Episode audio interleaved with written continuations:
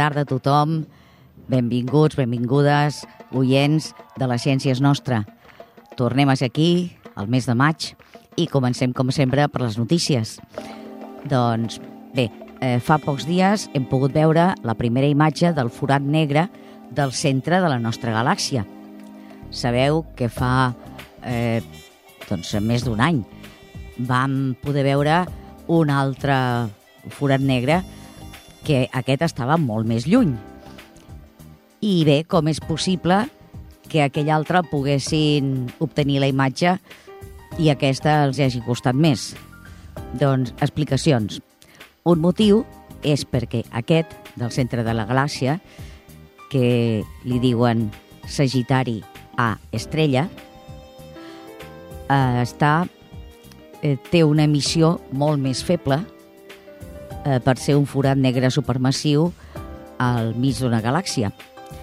I, a més, es troba ocult per la pols i el gas interestel·lar. Com que està al mig, doncs hi ha molta cosa que el tapa. Mentre que l'altre, que es deia M87 estrella, o asterisc, eh, doncs té el camp de visió més lliure.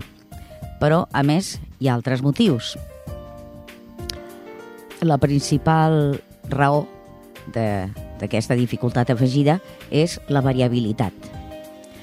Mentre que l'M87 asterisc pateix variacions de brillantor en qüestió d'hores o dies, el de la nostra galàxia, que es diu Sagitari A asterisc, fa el mateix en hores, perquè la seva mida és més petita i, per tant, resulta més difícil obtenir una imatge estable.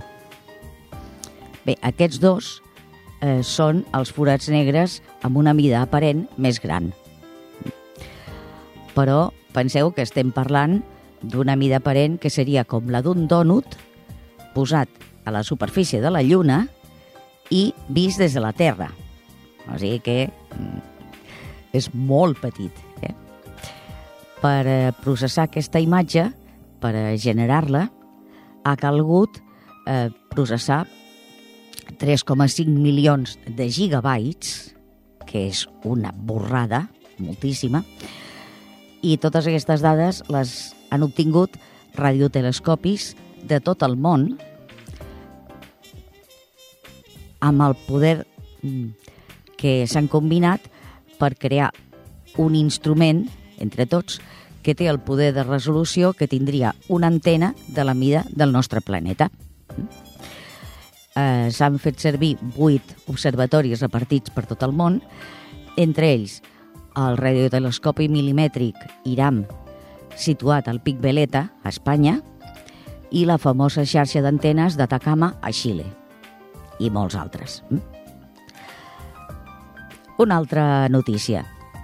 Europa aconsegueix un nou rècord amb energia de fusió, que no és la, la de sempre atòmica aquesta, que és la de fissió, sinó que és al contrari. Aquesta, ja sabeu, la fusió són àtoms lleugers que s'uneixen per formar un àtom més gran. Bé, han aconseguit mantenir durant 5 segons, que sembla molt poquet, però és un gran abans, una energia de 59 megajoules amb un reactor que es diu JET al Regne Unit.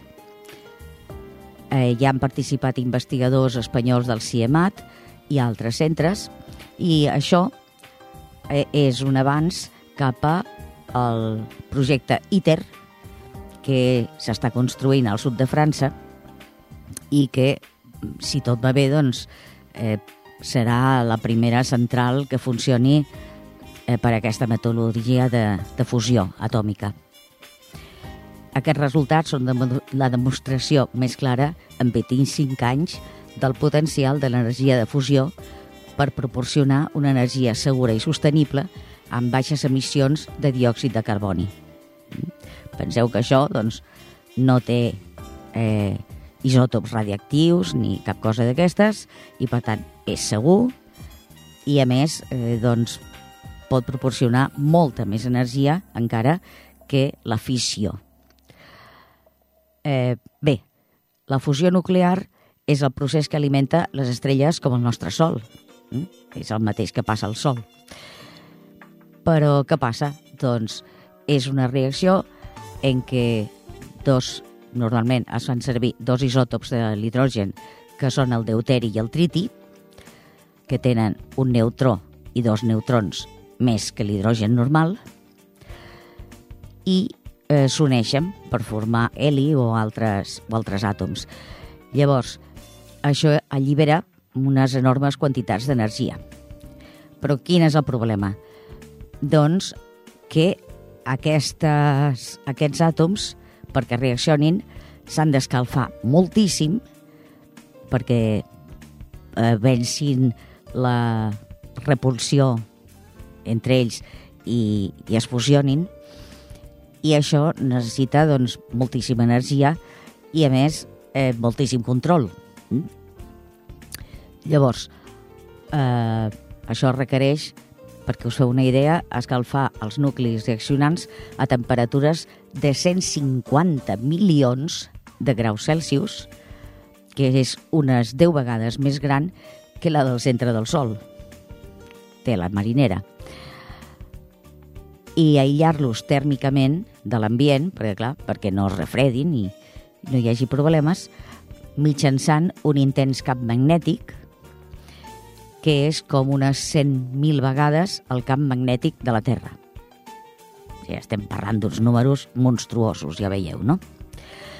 Llavors, aquestes temperatures tan bèsties, la matèria és un gas ionitzat que s'anomena plasma. Què passa amb el plasma? Doncs que és complicat eh, poder-lo controlar. Per què? Doncs els reactors de confinament, que és aquest que estem parlant, es fa servir un sistema d'imants molt potents, molt potents, eh, per confinar aquest plasma dintre el reactor i que no s'escampi i se'n vagi per on vulgui, no? Eh, si toqués les parets, doncs, eh, clar, mm, es refredaria, es degradaria i, i hem begut oli. Mm? El problema és que el plasma està sotmès a unes turbulències que, que s'originen de manera natural i són especialment intenses a la capa més externa d'aquest gas és com, jo que sé, eh, com penseu, una aixeta, doncs de vegades eh, l'aigua surt mm, sense esquitxar, però de vegades surt allà com a, a globs, no? Doncs això són les turbulències. Doncs imagineu-vos això, però amb un gas, a una temperatura brutal... Mm, clar, la cosa és complicadeta, no? Llavors, eh, es necessita un sistema que vagi controlant, a més, mm, controlant a cada moment, perquè pot anar variant, eh, doncs la temperatura, el camp magnètic, perquè això quedi estable. Per tant, aquests 5 minuts, ai, perdona, 5 segons que ha durat, doncs és un gran avanç. Eh, S'espera que les centrals de fusió comercials eh, puguin arribar a la dècada dels 60. Potser alguns de nosaltres ja no ho veurem, però, en tot cas, doncs anem fent camí i és molt interessant. Doncs passem a l'agenda. En celebració del Dia Internacional dels Museus, demà dimecres tenim entrada lliure a les exposicions a Caixa Fòrum de Barcelona. De les 10 fins a les 8 del de la tarda. Això sí, cal reservar l'entrada online. Mm? Eh, L'adreça és el carrer Francesc Ferrer i Guàrdia i més informació la teniu al web caixaforum.org. Seguim endavant. La quinzena Festa de la Ciència.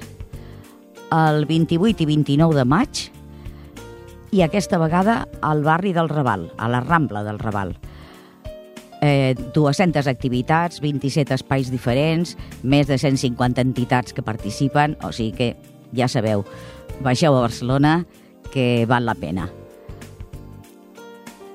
A Ripollet, recordeu que tenim cada diumenge la jugateca ambiental que es fa al Parc dels Pinetons i al Parc Massot els diumenges a les 11, a les 11 i mitja, quarts de 12.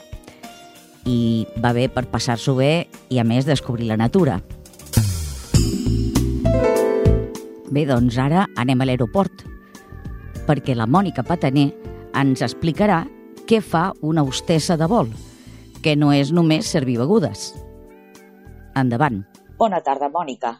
Buena tarde.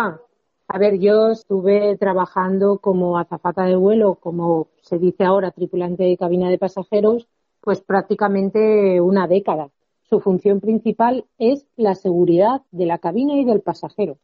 El resto que te sirve una Coca-Cola, que te trae una toallita o que te da un servicio a bordo es extra pero realmente los tripulantes de cabina para lo que están es para la seguridad en vuelo de la cabina y de los pasajeros. Ellos son los responsables en el momento en el que hubiera cualquier tipo de percance, siniestro, mm, lo que sea, dentro de, del avión, son los responsables de sacar a todos los pasajeros de la cabina. Ellos desarman las rampas, abren las ventanas de seguridad y son los responsables de, evacuar al pasajero. Para que no se... Exacto, exacto. Son los responsables de evacuar a todos los pasajeros y de revisar la cabina antes de salir ellos, de que no quede nadie y sacarlo. Tela, tela. No es solo servir Coca-Cola y llevar y ir bien pintadita, vamos, bien maquillada. Sí, sí. Oye, y vamos a ver, yo tengo curiosidad, seguro que antes de empezar el vuelo y después también hacéis cosas que los pasajeros no nos enteramos. Claro, para que os hagáis una idea, si un vuelo sale a las 9 de la mañana, tanto la tripulación comandante y segundo, que es el copiloto, y la tripulación de cabina, que constaría de un jefe de cabina más los auxiliares, ¿vale? Los auxiliares siempre tiene que haber mínimo uno por puerta de evacuación. Entonces, se está siempre una hora y media antes en el aeropuerto. Se queda eh, siempre en una zona que se llama zona C, que es mm, de, paso exclusivo solo para tripulaciones. Y ahí, pues en, en tu oficina, se hace un briefing. En el briefing del vuelo se comenta cuántos pasajeros se llevan a bordo, si alguno tiene alguna movilidad especial, si se da servicio, pues si hay algún tipo de comida especial, cuántos bebés van a bordo, si vuela algún animal a bordo o si va alguno abajo en, en cabina, ¿vale? Que eso también eh, es especial la duración de los vuelos o de los saltos que se dan, porque no solo tiene por qué ser un vuelo, a veces se hacen dos o tres saltos en el mismo día. La meteorología, que se va a tener durante el vuelo y luego se hace un pequeño repaso, un pequeño briefing a los procedimientos de emergencia. Normalmente esto lo hace el responsable de cabina, entonces a cada uno le pregunta un procedimiento. Dime el procedimiento de cómo desarmarías la rampa en caso de cuál es el procedimiento y entonces así se van repasando todos los días que vuelas los procedimientos de emergencia, porque claro, los procedimientos de emergencia son muchos y te los tienes que tener impregnados en tu piel, porque claro, tú a la hora de reaccionar ante una emergencia no te puedes parar a pensar. Sí, claro, lo tienes que tener. Eso tiene que estar, en vamos, en automático tatuado. Claro. ¿Vale? Entonces, de alguna manera, para dejar constancia de que todos conocemos los procedimientos, o si alguno, pues hace tiempo que no los ha repasado o lo que sea, se repasan siempre todos los días, pues en, en este briefing. Eso es lo que se hace. Luego se va al avión, en el avión cada uno tiene su función, o sea, se delegan las funciones de lo que sería el galley delantero y el galley trasero. ¿Qué son los gales? Los gales son justo donde termina el avión, la cola del avión, y justo donde empieza el avión antes de la cabina del comandante y del copiloto, ¿vale? Ahí en esos galleys es donde están ubicados pues todos los containers, pues con, con cualquier suministro de bebida, de comida, eh, están siempre al lado de las puertas, ¿vale? Y se asignan cuáles son las personas que van delante y que van detrás. Todos tienen una lista que va con un checklist, o sea que tú vas marcando con vistos y cada uno tiene asignado una zona y ha de cubrir que cada zona tenga las emergencias correctamente. Es decir, imagínate, en el lado derecho delantero tiene que haber dos extintores, la barca de evacuación en el mar, el megáfono, tiene que haber el botiquín grande, el botiquín pequeño. Bueno, pues todo eso lo vas chequeando. De mi lado de asientos tiene que haber, pues yo qué sé, 60 chalecos de chalecos de los que van debajo del asiento que también se chequean o tantos para beber, ¿no? Y todo eso se chequea antes de la salida del vuelo. Mientras tanto, pues está el catering subiendo, está limpieza a lo mejor haciendo su trabajo también, están metiendo combustible,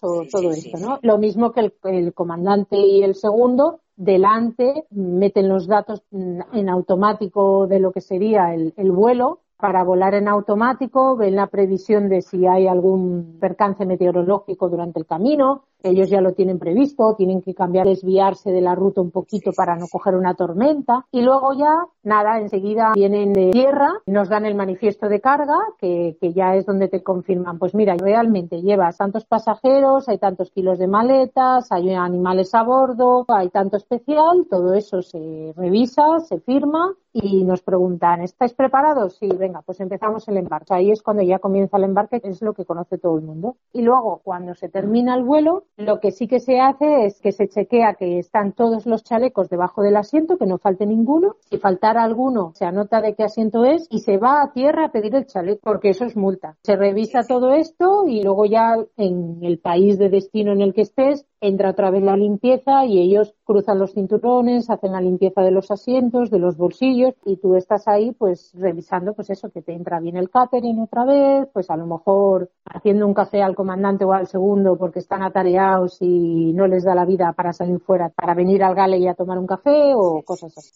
Explícanos qué se necesita para ser auxiliar de vuelo, qué hay que estudiar o dónde hay que ir. Bueno, mira, eh, actualmente para ser auxiliar de vuelo hay lo que son unas escuelas privadas que te hacen un año de curso y durante ese año pues estás estudiando cosas específicas respecto a la aviación. Por ejemplo, estudias meteorología para entender un poco de vienen con la información que no te suena chino, ¿no? Estudias motores, estructuras de aeronaves, estudias un poco todo, todo el concepto de lo que es la aviación, cómo funciona la aeronavegabilidad de un avión, por ejemplo, por qué vuela, ¿no? Y entonces te preparan. Durante ese año, ese curso lo que hace es únicamente preparar, prepararte y cómo meterte en el papel. Una vez tú has terminado ese curso, en el que también haces mm, prácticamente las mismas pruebas que te van a pedir en la compañía, tú pasas una entrevista con la compañía aérea X, ¿vale? Imagínate, esa compañía te selecciona y tú, una vez seleccionada, tienes que hacer un curso de un mes por cada modelo de avión. Hola. Porque claro, tú te tienes que aprender todas las emergencias de cada uno de los modelos de aviones que, que tenga esa compañía. Y entonces, cuando tú apruebas ese examen, a ti en una licencia de vuelo te habilitan y te dicen, usted está habilitada para volar el Airbus 320, el Airbus 330 o el Boeing 737-800 o el modelo que sea. Y entonces tú, y una vez tienes esa habilitación de vuelo, ya puedes empezar a volar. Eso, eso es lo que se necesita. Bueno, pues oye, muchísimas gracias porque me parece que por lo menos la visión que nos has dado es de que es una profesión vamos, que, que tiene mucha más chicha de lo que, de lo que se ve. Bé, com heu sentit, al final hem patit unes interferències que segurament deuen ser per turbulències o per l'aterratge mateix a l'avió. I no ens hem pogut acomiadar de la Mònica. Així que des d'aquí, moltes gràcies, Mònica, i a reveure fins un altre dia. Bé, el cas és que hem arribat a Sevilla i venim aquí a conèixer el doctor Guillermo López Lluc, que és catedràtic del Departament de Fisiologia, Anatomia i Biologia Celular de la Universitat Pablo de Olavide i a més investigador del Centre del Centro Andaluz de Biologia del Desarrollo. Eh, bàsicament, ell treballa en la relació entre el metabolisme celular i l'envelliment i les defenses antioxidants i immunològiques de les cèl·lules. Guillermo López Lluc, buenas tardes. Buenas tardes, ¿qué tal? Muy bien. Eh, Guillermo, tú eres investigador en bioquímica celular. casi, casi que tendríamos que empezar por preguntarte qué es esto de la bioquímica celular que nos suena un poco a chino. Bueno, más bien es biología celular. Eh, pero bueno, bioquímica es, parte de la biología. Simplemente los, biólogos celulares nos encargamos de estudiar qué les pasa a las células cuando, eh, qué hacen las células, cómo lo hacen, porque al fin y al cabo todo lo que ocurre en nuestro cuerpo depende de las células. Entonces nos enfocamos en las células y los distintos tipos celulares. Ajá. Yo sé que has estado eh, trabajando mucho sobre el coenzima Q10, que es algo pues que a las señoras nos venden en cremas de belleza y no sé qué, pero bueno, pero eso realmente qué es, para qué sirve?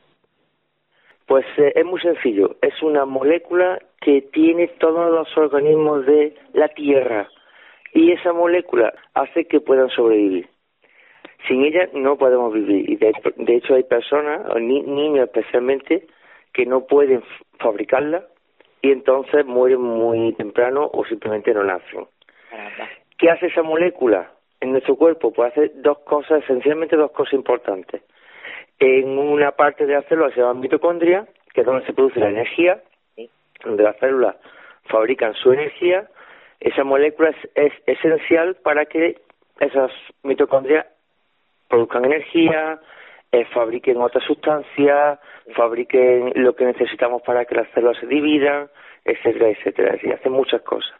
Y además, esa molécula, con unas enzimas que la usan, protege a las células de la oxidación y protege entonces a las células de que se mueran pronto o de que sufran ataques y, y se destruyan y tienen que ver con el envejecimiento y muchas cosas más. Es decir, es una molécula esencial que nosotros fabricamos, pero que lamentablemente en algunas circunstancias esa fabricación pues va, mm, va bajando.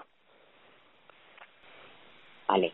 A continuación la pregunta es eh, en qué circunstancias necesitamos un aporte extra. Eh, a ver, dejando aparte enfermedades así muy concretas como lo que tú decías de los niños que no la sintetizan. Pero bueno, la gente eh, que no tiene una dolencia así tan concreta, ¿en qué circunstancias necesitaríamos un aporte extra? Extra. Eh, la molécula tiene un problema que se absorbe muy mal y la dieta se absorbe muy mal. Entonces hay que suplementar con unas preparaciones que se venden, algunas funcionan mejor, otras funcionan peor, pero eh, esencialmente eh, yo diría que en, en, personas que tienen problemas cardiovasculares se ha demostrado que mejora mucho la capacidad del corazón, incluso hay estudios clínicos que sugieren que se usa. En personas que tienen alto el colesterol, ah.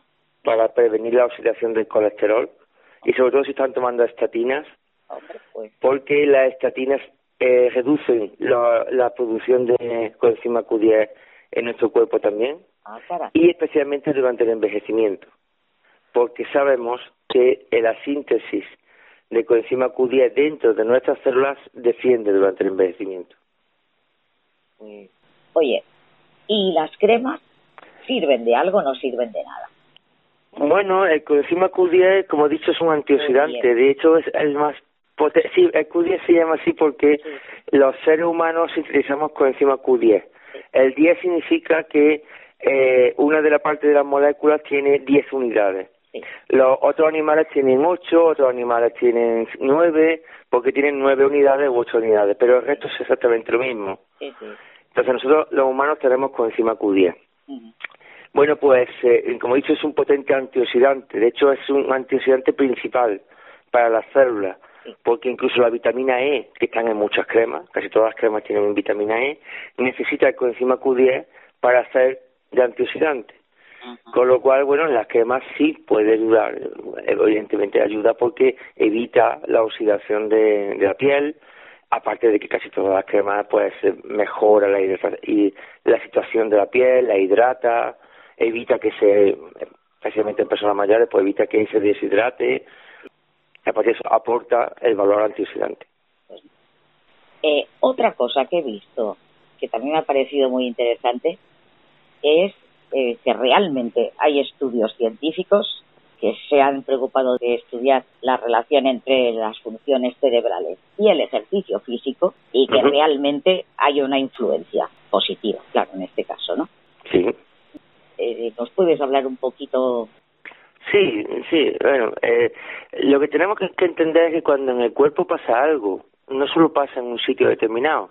Cuando hacemos ejercicio no solo se, no solo se afectan los músculos, cuando pensamos y estudiamos no solo se afecta al cerebro, sino que todo está conectado. Entonces, cuando hacemos ejercicio, los músculos, aparte de metabolizar más y hacer que todo se mueva, las sustancias que necesita el músculo para funcionar, pues se muevan más por la sangre. Los músculos liberan a la sangre una serie de sustancias informando al resto del cuerpo de qué es lo que está pasando. Esas sustancias las conocemos ahora como mioquinas y algunas de esas mioquinas llegan al cerebro e informan de que ese músculo está funcionando. Entonces el cerebro responde cambiando algún tipo de metabolismo a través de hormonas, a través de señales, para ayudar al músculo a hacer lo que tiene que hacer.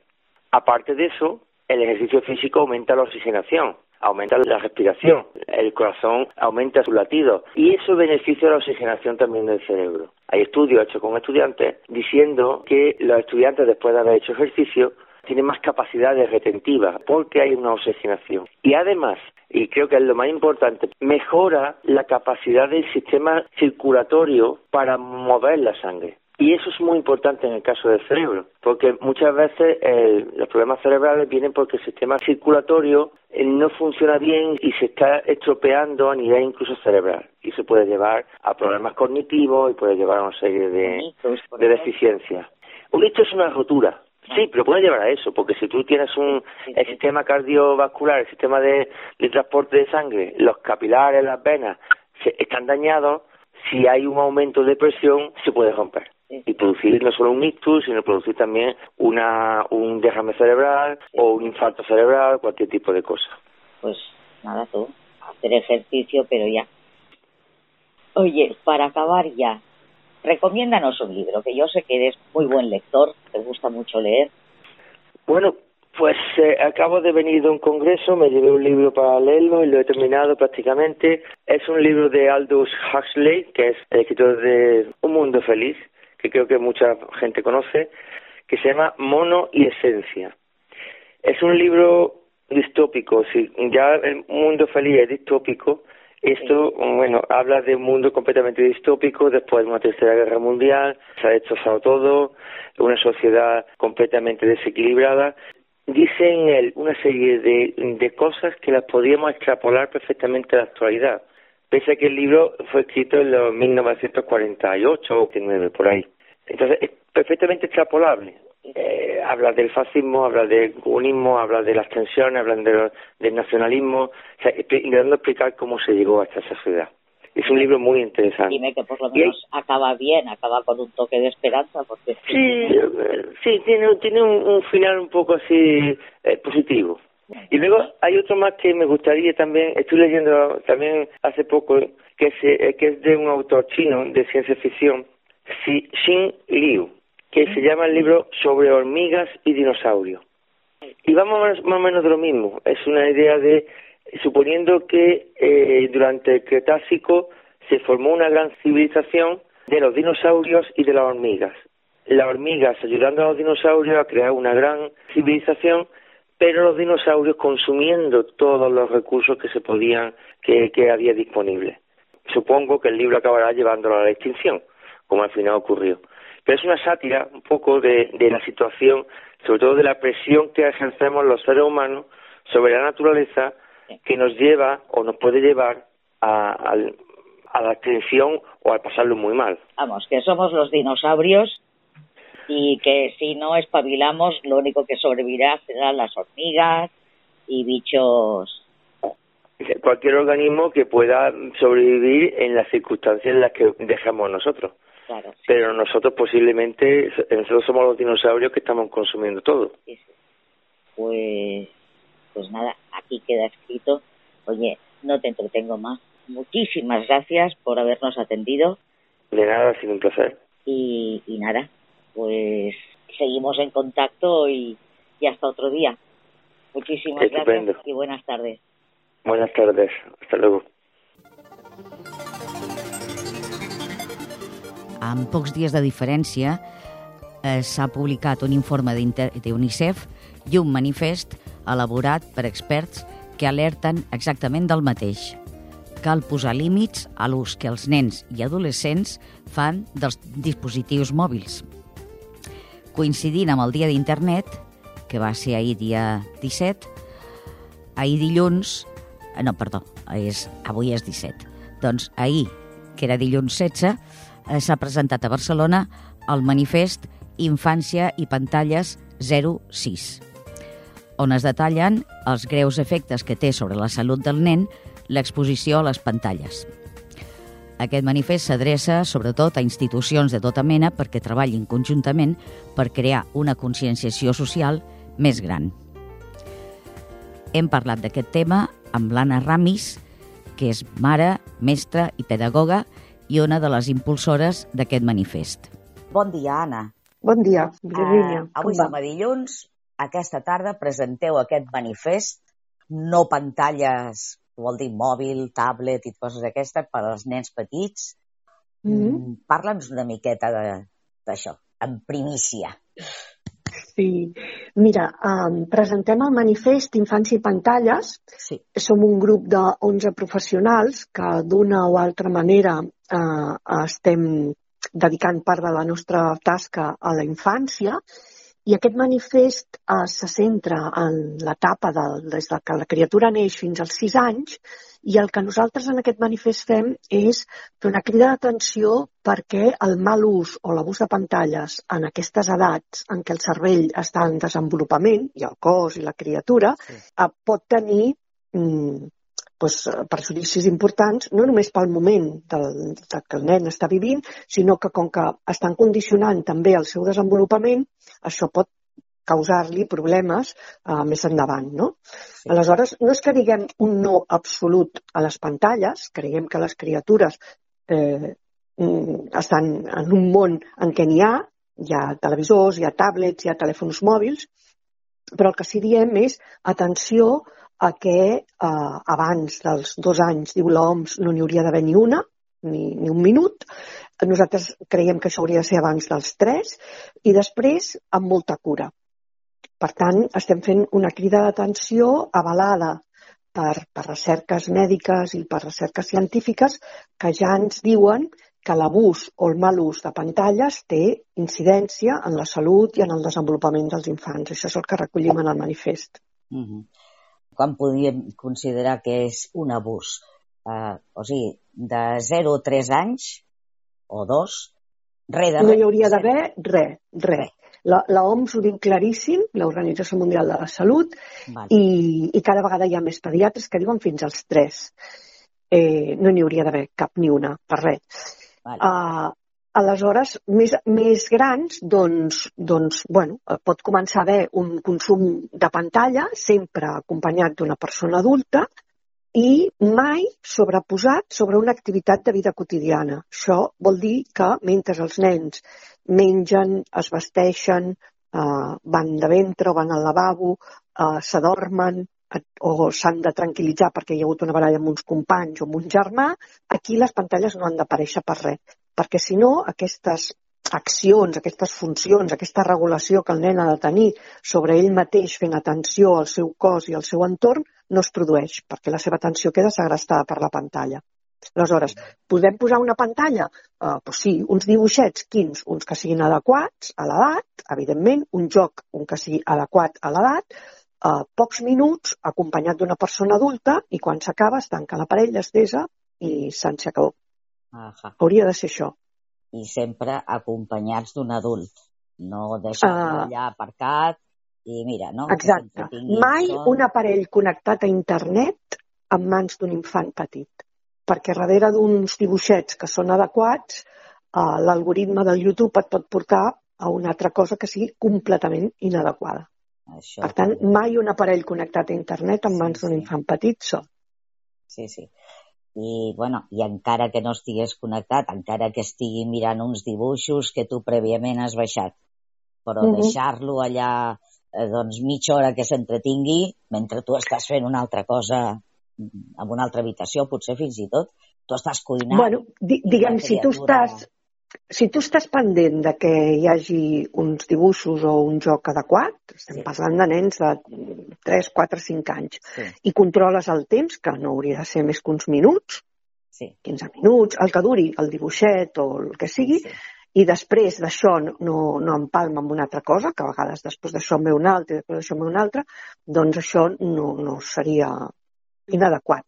No obstant, nosaltres en el manifest no parlem tant a les famílies, o no hi ha cap mena d'instrucció a les famílies, com que les set recomanacions finals, les set propostes finals, van adreçades a la societat, als, als productors de continguts audiovisuals, mm. a, a, als que fem anar els aparells que som els adults, els professionals perquè tinguin recursos, alternatives i formes d'encarar-ho.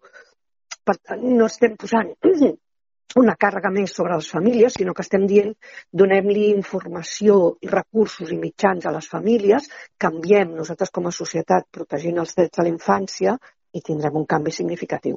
Sí, sí. Doncs ara que ho has dit, eh, parlem d'alternatives. O sigui, jo tinc el nen que ara mateix no puc estar per ell, o jo que sé, o està enrabietat i perquè es calmi, doncs li deixo l'aparell. No.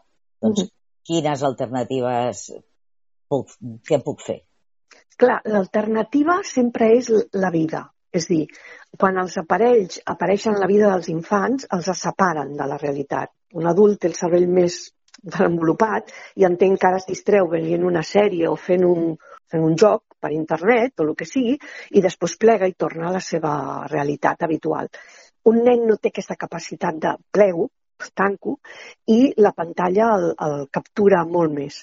Per tant, quines alternatives? La realitat. Un nen ha de poder participar de la seva vida. Um, M'ha explicat algun, a vegades alguna gent que, que li posen el, el telèfon mòbil a les mans del nen mentre li canvien el bolquer perquè s'estigui quiet i no es toqui el bolquer i no remeni.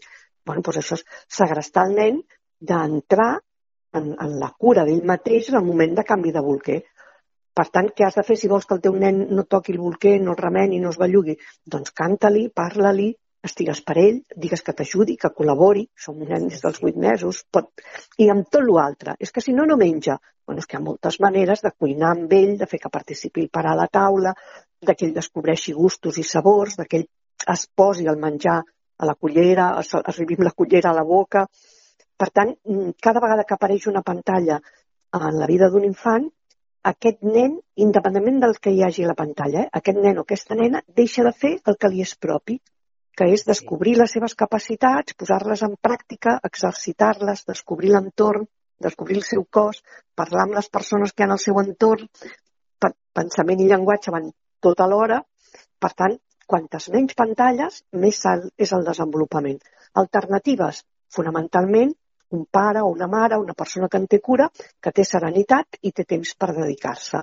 I aquí torna a haver-hi una crida a nivell social de que el temps de criança és un temps molt important i que a nivell social i polític hauria de ser una prioritat. Sí, sí. Eh, anem tots tan de de cul que ens costa trobar, trobar temps Fem moltes coses i ens sembla que l'infant és, és el menys important de tot. Sí, sí. Quan en realitat és una persona en desenvolupament que necessita la nostra mirada, la nostra atenció, la nostra conversa Clar. i les seves possibilitats de jugar, d'explorar, de moure's. Al màxim, tant com sigui possible.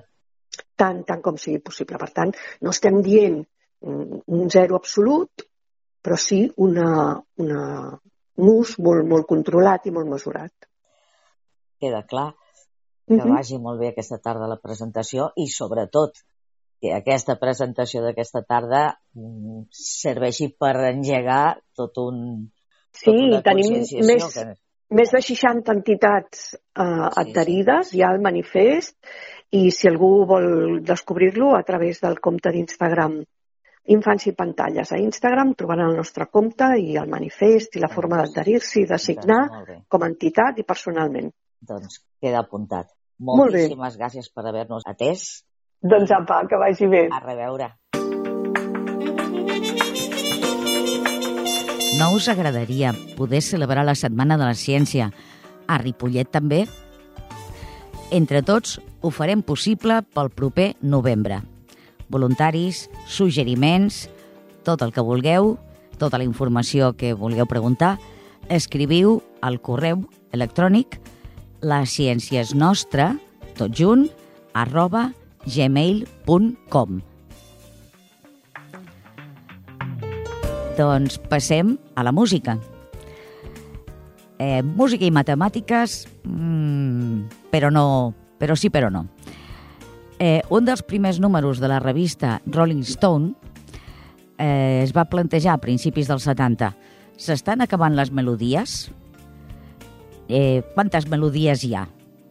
bueno, doncs, una manera de poder calcular-lo seria, doncs mira, eh, hi han set notes, doncs agafem les set notes i fem permutacions, mm, una fórmula matemàtica, surt 5.040. Vale. Però resulta que l'Spotify hi ha 1.400 vegades aquest número. O sigui que, clar, eh, això donaria que hi ha moltíssimes cançons repetides. Mm. A veure, què passa aquí que no surten els números? Doncs el que passa és que una nota no és només un nombre, sinó que ja sabeu que té durada, mm, les blanques, les negres, tot això. A més, tenim acords, tenim ritmes, tenim una sèrie de coses que donen tota la varietat. Bé, per veure un cas pràctic, doncs, quan les primeres bossa nova van ser acusades que eren monòtones, un autor, l'Antonio Carlos Jobim, va respondre amb la samba d'una nota so, on l'única nota de la melodia adquireix significats radicalment diferents segons a quin acord pertanyi. Us tradueixo la lletra, perquè l'original és en portuguès, i diu, heus aquí aquesta samba feta amb una nota només. Altres notes hi entraran, però la base és només una. Aquesta altra és conseqüència del que acabo de dir com jo sóc la conseqüència inevitable de tu. Quanta gent hi ha arreu que parla tant i no diu res o gairebé res. Jo he fet servir tota l'escala i al final no ha sobrat res, no ha mancat res i he tornat a la meva nota, així com torno a tu.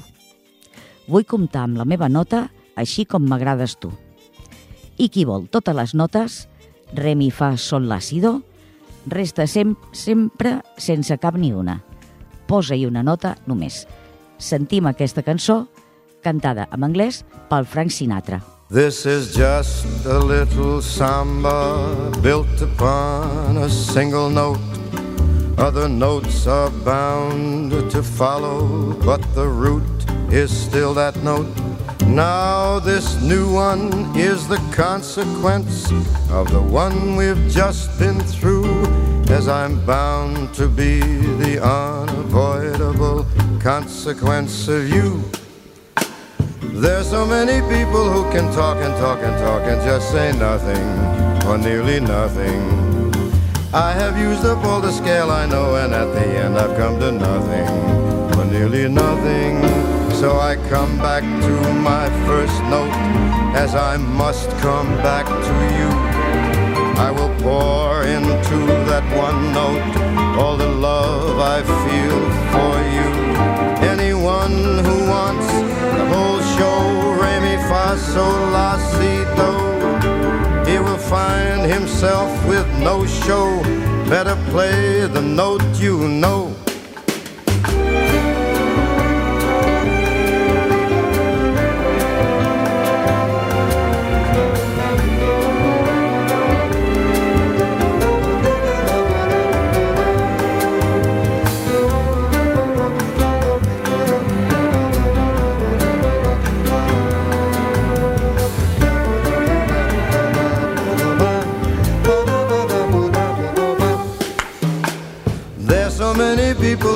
Talk and talk and talk and just say nothing or nearly nothing. I have used up all the scale I know, and at the end I've come to nothing. I mean nothing, so I come back to my first note as I must come back to you. I will pour into that one note all the love I feel for you. Anyone who fa sol la si do. He will find himself with no show. Better play the notes you know. Doncs el Guillermo ens ha recomanat dos llibres, Aldous Huxley, Mono i Essència, el podeu trobar a Medicions Càtedra el 2017 i també el podeu trobar al web atena.biblioteques.cat. Està amb alguna biblioteca que no és la de Ripollet, però si el demaneu a través d'aquest servei eh, us el poden portar. El segon llibre és Sixin Liu sobre hormigues i dinosaurios. Editorial Nova 2022. Aquest encara no està a cap biblioteca perquè acaba de sortir. Doncs, com sempre, ens acomiadem amb un experiment senzill, però que fa pensar. La cosa és molt fàcil.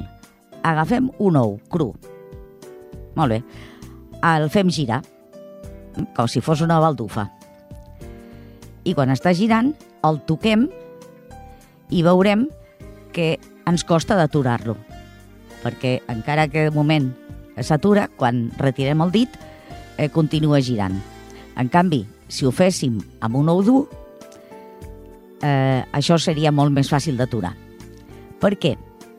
Doncs perquè l'ou, a part de la closca, que és la que toquem amb els dits, la fem girar, per dintre l'ou també està girant, eh, perquè és com líquid, no? I llavors, quan toquem amb el dit, aturem una mica la closca, però lo de dintre continua girant. Mentre que l'ou dur, com que és tot un sol bloc, doncs quan l'aturem s'atura amb molta més facilitat. Ja sabeu, una altra manera de distingir un ou dur eh, d'un ou cru.